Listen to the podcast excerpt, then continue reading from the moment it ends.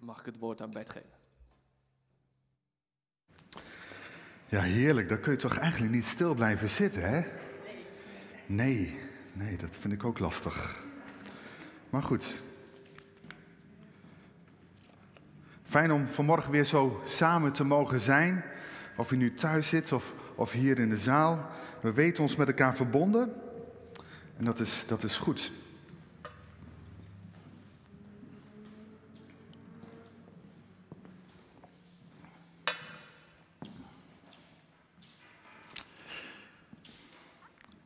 De wat ouderen onder ons, en daar hoef je nog helemaal niet zo heel oud voor te zijn hoor, die, die weten misschien nog wel de invoering van de euro. 1 januari 1999, ik zie hier in ieder geval al wat bevestigende knikjes.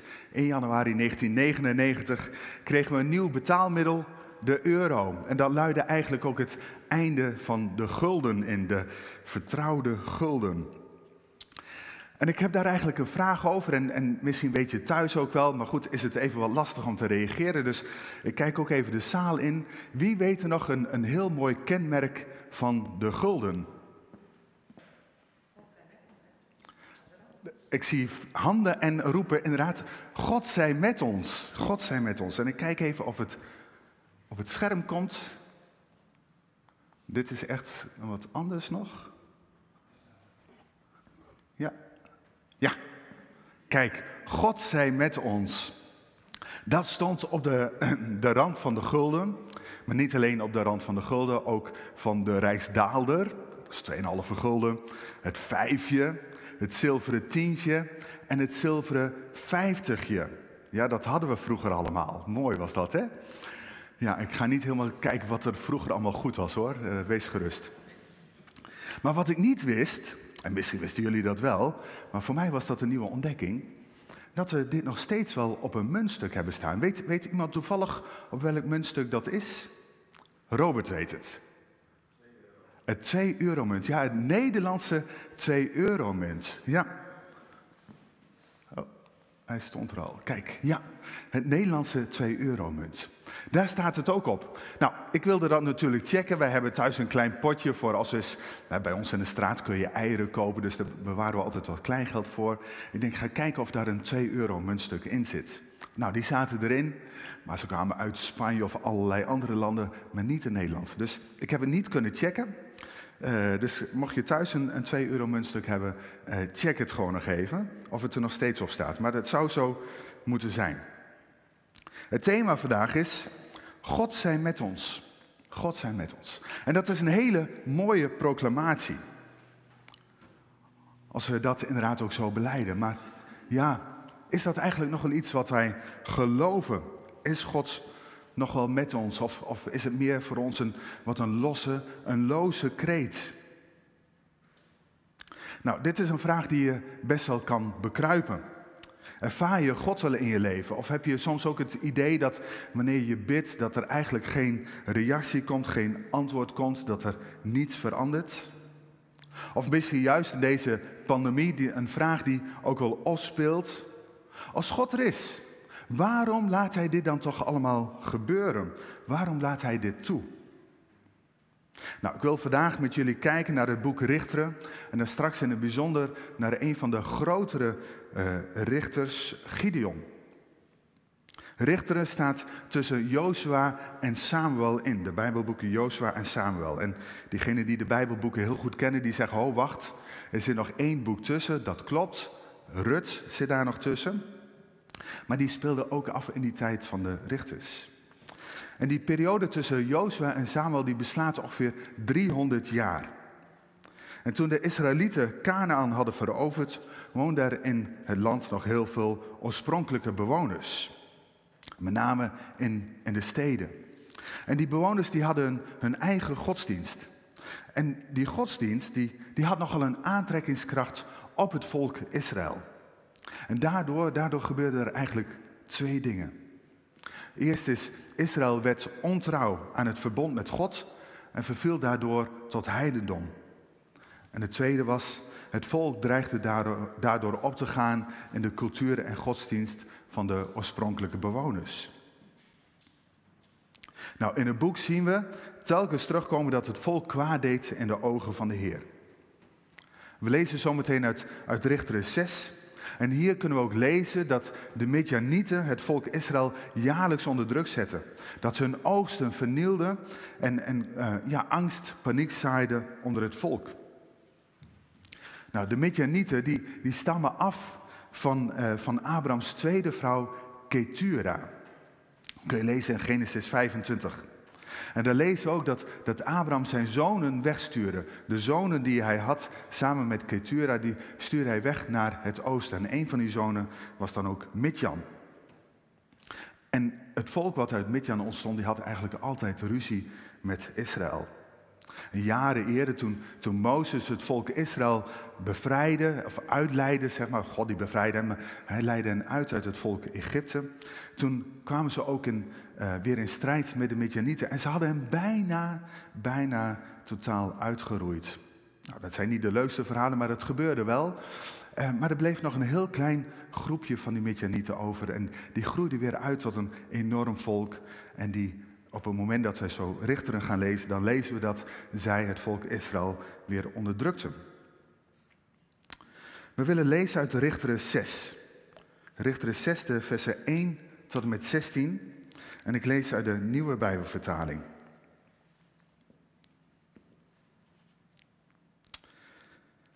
Er staat het volgende. Maar de Israëlieten deden wat slecht is in de ogen van de Heer. En daarom leverde hij hen uit aan het volk van Midjan, dat hen zeven jaar achtereen kwam plunderen. Uit angst voor de Midjanieten richtten de Israëlieten in bergspleten, grotten en op andere moeilijk bereikbare plekken schuilplaatsen in. Elk jaar wanneer het gewas op het veld stond, kwamen de Midjanieten, de Amalekieten en nog andere woestijnvolken uit het oosten aanzetten en vielen ze Israël binnen. Ze sloegen hun tenten op en vernietigden de oosten tot helemaal in Gaza. Niets lieten ze voor de Israëlieten over om van te leven, nog geen schaap, geen rund en geen ezel. Als een zwerm sprinkhanen kwamen ze aanzetten met hun vee en hun tenten. Een onafzienbare massa mensen en kamelen die het land binnenviel en alles verwoestte. Door toedoen van Midjan verviel Israël tot bittere armoede en het volk riep de Heer te hulp. Toen de Israëlieten de Heer tegen de Midjanieten te hulp riepen, stuurde hij een profeet die hun zei: Dit zegt de Heer, de God van Israël. Ik ben het die jullie uit Egypte heeft geleid. Ik heb jullie verlost uit de slavernij. Ik heb jullie bevrijd uit de greep van de Egyptenaren en van de volken die jullie hier bedreigden. Die heb ik voor jullie weggejaagd en ik heb jullie hun land gegeven. En ik heb jullie gezegd: ook al wonen jullie nu in het land van de Amorieten, hun goden mogen jullie niet vereren, want ik, de Heer, ben jullie God. Maar jullie hebben niet geluisterd naar wat ik zei. En toen kwam er een engel van de Heer. Hij nam plaats onder de terebint bij Ofra op het land van Joas, een afstammeling van Abiezer. Joas' zoon Gideon was juist bezig tarwe te dorsen. Om te zorgen dat de Midjanieten de tarwe niet zouden zien, deed hij dat in de wijnpers. De engel van de Heer vertoonde zich aan hem en zei: De Heer zij met je, dappere krijgsman. Mag ik u vragen, antwoordde Gideon, als de Heer ons werkelijk bijstaat, waarom overkomt ons dan dit dan allemaal? Waar blijft hij dan met zijn wonderbaarlijke daden waarover onze voorouders hebben verteld? Uit Egypte heeft hij ze geleid, zeiden ze toch? Nu trekt hij zich in elk geval niets van ons aan en zijn we overgeleverd aan de Midjanieten. Toen wendde de Heer zich tot Gideon en zei: Toon je moed en bevrijd Israël. Dat is mijn opdracht. Mag ik u vragen, antwoordde Gideon, hoe zou ik Israël kunnen bevrijden? Mijn familie heeft in onze stam, Manasse, niets in te brengen en ik zelf ben de jongste van de familie. De Heer antwoordde, dat kun je omdat ik je bijsta. Je zult de Midjanieten verslaan alsof je met niet meer dan één man te doen had. Tot zover dit gedeelte uit Richteren. Het is een bijzonder verhaal. Een bijzonder verhaal waarin we kunnen lezen over hoe Gideon gebruikt wordt in de strijd. Uh, en dan ontdekken we, als we dat ook verder gaan lezen, dan ontdek je nog heel veel mooie andere zaken. Maar ik wil vanmorgen met name even kijken naar een aantal zaken uit dit gedeelte, wat ons hierin kan opvallen. En ik heb dat eigenlijk gedaan aan de hand van een, een drietal vragen. Wat is het gevaar? Is er ook bewustwording? Hè, bestaat er bewustwording bij het volk Israël? En, en hoe kunnen ze dan daarna verder? Nou, in vers 3 lezen we dat de Amalekieten en, en de Midjanieten samen met de andere volken uit het oostenland binnenvallen. De, de Amalekieten zijn afstammelingen van Amalek en Amalek is dan weer de kleinzoon van Esau. om even uh, wat de boel in perspectief te plaatsen, eigenlijk allemaal nakomelingen van Abraham. En Abraham die heeft dus zijn eigen nakomelingen, zijn zonen, die hij had met Ketura, heeft hij weggezonden naar het oosten. Uit het oosten komt het gevaar voor Israël. En, en ook wij, wij zeggen wel eens dat het, het gevaar uit het oosten komt. En dan, dan doelen we vaak wel op bijvoorbeeld China. Als je kijkt naar China, de impact wat China heeft op deze wereld is enorm groot. Toen wij in Afrika wonen, zagen we eigenlijk overal Chinezen die daar heel veel werk deden. Er is onlangs ook een programma op televisie geweest daarover. En, en ook wij zouden kunnen zeggen, het gevaar komt misschien wel uit het oosten. Maar voor de Israëlieten kwam het gevaar ook letterlijk uit het oosten. En, en dan lezen we dat de, de Midjanieten, de Amalekieten, het land binnenstormen en, en alles verwoesten als, als zijnde een, uh, ja, een sprinkhanenplaag. Nou, misschien heb je het beeld nog voor ogen van uh, vorig jaar dat in Afrika, continent Afrika, overspoeld werd door allerlei sprinkhanen. Oh, die is niet zo goed te zien. Nou, ik heb hier een plaatje. Jullie denken, wat staat daar toch allemaal op het beeld? Dat is een plaatje met allemaal sprinkhanen. Echt verschrikkelijk. En als je daar doorheen gaat, ze vliegen overal om je, om je heen. En, en uh, je, je, ziet eigenlijk geen hand voor ogen, zoveel sprinkhanen zijn er. Nou, weet je, dat, dat beeld wordt hier geschetst, dat ook de Midjanieten en de Amalekieten het, het volk Israël binnenvallen. En ze vernietigden alles. Alles werd kapot gemaakt, alles werd vertrapt, alles werd verwoest. De Israëlieten hadden niets meer. Het werd zelfs zo erg dat het leidde tot bittere armoede. En dat gebeurt niet één keer, het gebeurt niet twee keer, het gebeurt zeven jaar achtereen. Elk jaar weer. En uiteindelijk, uiteindelijk roept het volk Israël God aan. Zij roepen de Heer te hulp. Pas na zeven verschrikkelijke jaren van verdrukking komen ze tot het besef dat zij God kunnen vragen om hulp. Maar wat is nu eigenlijk het gevaar? Was het gevaar inderdaad de invallen van de Midjanieten, de Amalekieten en die andere volken? Vormden zij echt die grote bedreiging? Of lag de bedreiging heel ergens anders? Kwam die bedreiging misschien wel van binnenuit, vanuit het volk zelf? Het volk had vergeten wat, wat God had gedaan. Ze hebben hem de rug toegekeerd. En het lijkt wel alsof zijn zegen weg is. Maar, maar dat kan toch helemaal niet? Het volk Israël is Gods oogappel, Gods geliefde volk. Hoe, hoe kan God dan zijn zegen weghalen van het volk? Kan God dat zomaar doen? Nou, daarvoor wil ik eigenlijk even een paar versen lezen uit Deuteronomium. Ik begin met Deuteronomium 18. Deuteronomium 18, de versen 13 tot en met 19. En er staat, u moet volledig op de Heer uw God gericht zijn. Ook al luisteren de volken in het land dat u in bezit zult nemen, wel naar het wolkenschouwen en waarzeggers. U heeft de Heer uw God dat verboden. Hij zal in uw midden profeten laten opstaan, profeten zoals ik. Naar hen moet u luisteren. U hebt de Heer daar immers zelf om gevraagd toen u bij de horen bijeen was. U zei, wij kunnen het stemgeluid van de Heer onze God en de aanblik van het enorme vuur niet langer verdragen, dat overleven we niet. En de Heer heeft toen tegen mij gezegd, ze hebben goed gesproken. Ik zal in hun midden profeten laten opstaan zoals jij. Ik zal hun mijn woorden ingeven en ze zullen het volk alles overbrengen wat ik hun opdraag. Wie niet wil luisteren naar de woorden die zij in mijn naam spreken, zal ik ter verantwoording roepen. God had eigenlijk al heel duidelijk gesproken wat hij verwachtte van het volk Israël. En dat doet hij vervolgens in Deuteronomium nog, nog wat duidelijker. In hoofdstuk 28, en daar wil ik ook nog een paar versen van lezen. Versen 1 tot en met 10 en vers 15. En misschien ken je dat hoofdstuk ook al wat, wat spreekt over zegen en vloek. Mozes sprak, Als u de Heer uw God gehoorzaam bent en al zijn geboden, zoals ik ze u vandaag heb voorgehouden, zorgvuldig naleeft, zal u hoog boven alle andere volken op aarde verheffen. En dan, omdat u hem gehoorzaamt, zullen u deze zegeningen toevallen. Gezegend zult u zijn in de stad en gezegend op het land. Gezegend is de vrucht van uw schoot, de vrucht van uw land en de vrucht van uw vee, de dracht van uw runderen, schapen en geiten. Gezegend is de oogst die u binnenhaalt en het deeg dat u kneedt. Gezegend zult u zijn in uw komen en uw gaan. De Heer zal u de overwinning schenken op alle vijanden die u aanvallen. Als één man zullen ze op u afkomen, maar naar alle kanten stuiven ze uiteen. De Heer zal zijn zegen laten rusten op uw voorraadschuren en, alle en op alle arbeid die u verricht. Hij zal u zegenen in het land dat hij u geeft. De Heer zal zijn plechtige belofte gestand doen en u tot een volk maken dat aan hem is gewijd. U leeft immers de geboden van de Heer uw God na en volgt de weg die hij u wijst.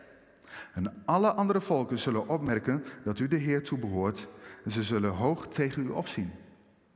Dat was wat God had beloofd. Dit was de zegen die, die het volk van Israël ten deel zou, zou vallen wanneer ze hem zouden gehoorzamen. Maar als ze dat niet zouden doen, en dat klinkt in vers 15, dan volgt dit. Met nog heel veel wat er volgt, maar dat ga ik niet lezen vandaag. Dat mag je dan ook weer thuis lezen. Maar als u de Heer uw God niet gehoorzaamt en zijn geboden en wetten, zoals ik ze u vandaag heb voorgehouden, niet nauwkeurig naleeft, zullen deze vervloekingen u treffen. En dan komt er echt een hele serie vervloekingen die het volk dan te wachten staat. En deze versen die, die maken zo duidelijk hoe God omgaat met gehoorzaamheid. Hoe God met het volk omgaat wanneer ze hem de rug toekeren. De Israëlieten die, die kenden deze woorden. ze kenden de vijf boeken van, van Mozes en ze wisten wat ze moesten doen. En toch, toch deden ze wat slecht was in de ogen van de Heer. Een vijand was niet zozeer die volken uit het oosten, maar een vijand die kwam van binnenuit. Ongehoorzaamheid aan God en het zelf wel allemaal willen regelen. En ik wil graag een, een parallel trekken naar onze tijd. Ook nu typeren veel mensen dat we, dat we leven in een gevaarlijke tijd. In een tijd waarin van alles van ons wordt afgenomen. Vrijheden die we altijd als normaal hebben beschouwd, die, die zijn niet meer normaal. We hebben die vrijheid niet meer zo. En dan komt het gevaar niet zozeer uit het oosten, maar typeren we het gevaar wel als iets wat, wat buiten onszelf ligt. Anderen zijn het gevaar. Anderen doen ons dit aan. En misschien nog wel wat specifieker. Het gevaar komt misschien, zoals geografisch gezien wij nu zouden kunnen zeggen, uit het westen. Het gevaar komt bij de overheid vandaan. De overheid is ons gevaar. Of het nu gaat om inperken van vrijheden, of juist wanneer het gaat om extreme liberalisering van standpunten. Is dat zo? Komt ook bij ons het gevaar niet juist van binnenuit? Is het niet zo dat wij ook juist zaken naar onze hand willen zetten? Dat we God niet zozeer op de eerste plek zetten, maar dat ik op de eerste plek sta? Of dat we de wereld, de kerk binnen hebben gehaald? Dat Gods wetten en regels niet meer gelden in deze tijd. Dat waren regels van vroeger. Dat geldt nu niet meer zo. We leven in een hele andere tijd. We leven in een hele andere cultuur. Maar leven jij en ik een leven dat past bij het plan van God? De Israëlieten roepen na zeven jaar de hulp van God in. Maar, en dan komen we bij het tweede punt, is er dan sprake van, van inkeer? Zijn zij zich bewust van wat zij verkeerd hebben gedaan? We lezen het niet. En in het vervolg lijkt het er ook niet echt op dat ze tot één keer zijn gekomen. Er lijkt niet echt een bewustwording te zijn ontstaan. Maar wat doet God? God die stuurt er wel op. Hij maakt het hen duidelijk. Hij stuurt een profeet. En die profeet die wordt niet zozeer bij, bij name genoemd. Daaruit kunnen we concluderen dat het niet zozeer gaat om de man zelf, maar om de boodschap die hij brengt. En deze profeet, die stuurt bij monden van God uh, de, de boodschap die hij moet brengen. Hij houdt er nog eens even heel duidelijk voor wat God met het volk Israël heeft gedaan. Hoe hij hen heeft bevrijd uit Egypte. Hoe hij wetten aan het volk had gegeven, maar het volk heeft niet geluisterd. En dan lezen we verder, dan, dan, je ziet er een soort van opbouw. Een profeet, een engel en dan lezen we dat God zelf spreekt. En dan verschijnt er een engel. En het is niet geheel duidelijk hoe we deze engel moeten typeren. Want in, in vers 12 lijkt, lijkt het inderdaad een engel, de engel des Heren te zijn. Maar in vers 14 lezen we dan dat God zelf spreekt. En sommigen geloven dat deze engel een bijzondere verschijning van Jezus Christus was. Die voorafging aan zijn taak hier op aarde. En het is ook mogelijk dat deze engel als bijzondere boodschapper van God het recht had om namens God te spreken. Nou, hoe het ook zij, in, in beide gevallen zond God een, een bijzondere boodschapper om een belangrijke boodschap aan Gideon over te brengen. En Gideon wordt daar dan op een hele bijzondere manier aangesproken. En hier ligt ook een hele duidelijke verwijzing naar de opdracht die hij krijgt. Hij wordt aangesproken met deze woorden: dappere krijger. Maar zo dapper lijkt Gideon helemaal niet. Sterker nog, hij is daar eigenlijk helemaal niet mee bezig. Hij is eigenlijk een beetje stiekem in die wijnpers tarwe aan het bewerken. En God die spreekt tot Gideon. En, en dan ziet Gideon zijn kans schoon om eens even lekker te gaan klagen bij God. God, waarom overkomt ons dit? Waar bent u? Als u God bent, dan, dan kunt u er toch wel iets aan doen.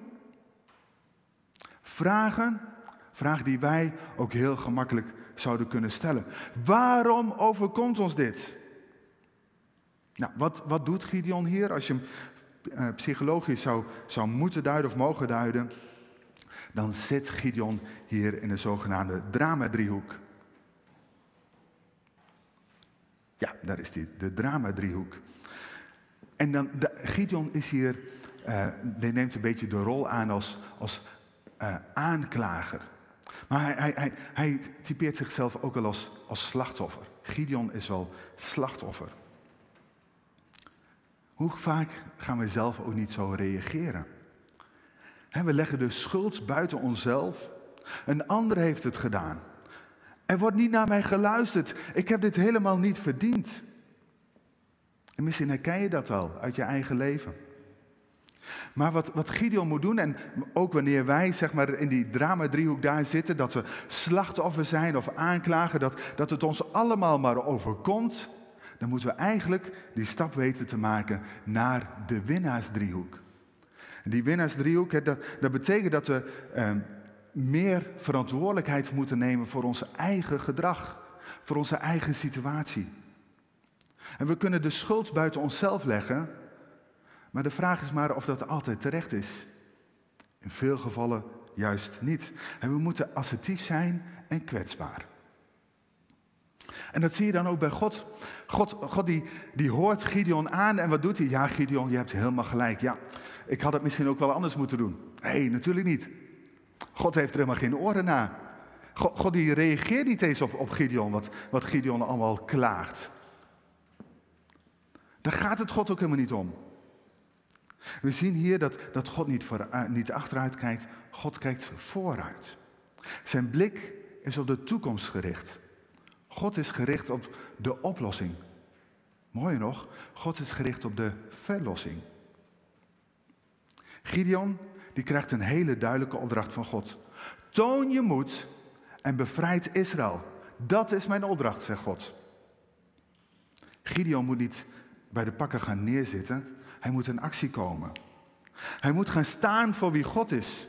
Hij moet het volk Israël weer laten inzien wie die machtige van Israël is.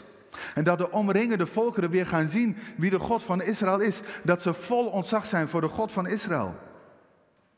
Israël moet bevrijd worden van de onderdrukkers. Bevrijd worden van hun fysieke vijanden, absoluut.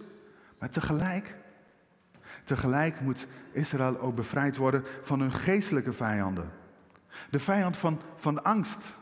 De vijand van teneergeslagenheid. De vijand van ongehoorzaamheid. En toch, toch ziet Gideon deze opdracht nog niet zo zitten. Hoe kan hij nu het volk gaan bevrijden? En, en dan gaat hij allemaal argumenten opnoemen dat hij niet de geschikte persoon is daarvoor. En misschien herkennen we dat van andere helden uit de Bijbel. Hij was nog eens de jongste in, in de familie, in het gezin, van een gezin die eigenlijk helemaal niet zoveel in te brengen had. Nou, misschien doet het ons wel denken aan, aan, David, hè? koning David. Hij was ook de jongste in het gezin. Al zijn broers die kwamen voorbij, maar die konden geen koning worden. Maar uiteindelijk David, de jongen uit het veld, die werd koning. Of Mozes. Mozes krijgt de, de opdracht om het volk Israël te bevrijden uit Egypte. En hij zegt, ja maar God, ik, ik kan dat niet. Ja, zegt God, joh, daar gaat het ook niet om. Ik geef je de kans om dat te doen. Want ik geloof in jou, want ik heb zoveel in jou gelegd. Maar als jij twijfelt, dan zal ik nog wel iemand naast je zetten. Je broer zal je dan wel helpen. En dat zien we eigenlijk ook bij Gideon gebeuren. Gideon zegt, ja, maar ik, ik ben niet de geschikte persoon. Voor God allemaal geen steekhoudende argumenten. Als God je een opdracht geeft, dan is het mogelijk. Punt. Simpel zat. En dat was de les die Gideon moest leren. En dat is ook de les die wij moeten leren. God laat het heel duidelijk aan, Gideon horen. Je kunt het, waarom? Omdat ik je bijsta.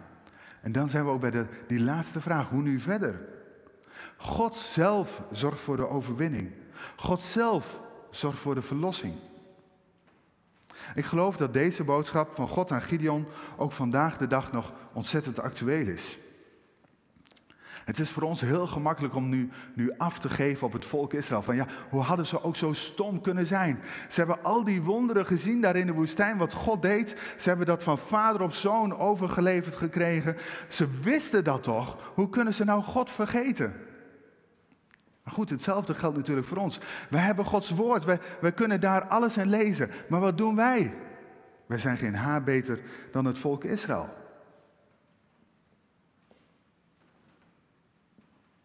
Wat zijn de afgoden die wij dienen in onze tijd? Want ook wij dienen afgoden. Misschien denk je, ja, dat doen we niet. Nou, ik ga er een paar opnoemen en misschien herken je ze. Al is het er al één, dan dienen we een afgod. Maar ik, ga hem even wat, wat algemeen houden. Bijvoorbeeld een afgod die wij dienen in onze tijd, dat is de afgod van gezondheid. Als we eens even kijken het andere, afgelopen anderhalf jaar. Hoe gezondheid zo'n belangrijk thema is geworden in ons leven. We, we, we willen alleen maar gezond zijn. We, we, doen er alles aan om maar gezond te blijven. ziek zijn, dat, dat mag niet meer, dat kan niet, dat, dat past niet bij leven, zouden we bijna zeggen. Maar niets is minder waar. Ook ziek zijn, ook dood hoort bij het leven. Welvaart. Welvaart is een afgod. Ook in de afgelopen anderhalf jaar, maar zeker ook de jaren daarvoor, zien we hoe een enorme impact die afgod heeft op ons leven. We moeten het goed hebben. We moeten rijk zijn. We zijn een van de rijkste landen van de wereld.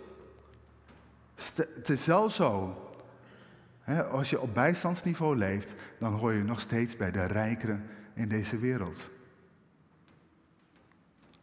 Dat zegt wat over alle andere landen in deze wereld waar het zoveel slechter is. We hebben het zo, zo ontzettend goed met elkaar. En we doen er ook alles aan om dat te behouden. Alles moet ervoor wijken. Het is eerst wij en dan de rest. Afgod van geluk. Wie post wel eens iets naast op Facebook van wat hij meegemaakt heeft? Of dat hij gewoon, mag ik het even plat zeggen, gewoon in de shit zit. Dat hij echt een, een, een, rotdag heeft. Ik zal de nette woorden gebruiken, maar dat hij echt een rotdag heeft. Wie, wie doet dat wel eens? Kan thuis niet zien, maar hier in de zaal steekt niemand zijn vinger op. Dat doen we niet. Nee, wat doen we? We posten alleen maar van die geluksmomentjes, die mooie momenten. Oh, we hebben het zo goed met elkaar. Even een leuke selfie maken. Wat is het leuk? Ja, geluk. We streven geluk na. Maar geluk is, is niet wat we moeten nastreven. We moeten een leven met God nastreven. En daar heb je momenten van geluk. Je hebt daar die bergtoppen, maar je hebt daarin ook die dalen. Maar ook in die dalen zegt God, ik ben erbij. En ook dan mag je geluk ervaren, omdat God erbij is. Afgod van eigenaarschap of individualisme. Het gaat om ik. Ik zei net al even, koning ik. Martin Brandt heeft er een heel mooi liedje over geschreven. Koning X zit op de troon. Luister eens, ik vind het zo knap hoe hij dat altijd zingt. Ik denk, ik zou me zo vergissen met tekst. Maar Koning X zit op de troon. Hoe vaak zitten wij niet op de troon van ons leven? Hoe vaak, ik zal het bij mezelf houden, hoe vaak zit ik niet op de troon van mijn leven? Dat ik denk, ik zal het zelf even gaan regelen. De laatste, de afgod van tolerantie. We, we, zijn zo ontzettend tolerant met elkaar. Alles moet maar kunnen, toch? Alles moeten we maar normaal vinden. Alles wat we op televisie zien, het kan niet gek genoeg. Joh, we leven in 2021. Dat moet echt kunnen. We hebben een mooie vlag. Een mooie regenboogvlag. Die heeft niets meer te maken met Noach. Nee, alles moet maar kunnen. Als je het hebt over uh, gebied van, van hoe we kijken naar eh, gender en dergelijke.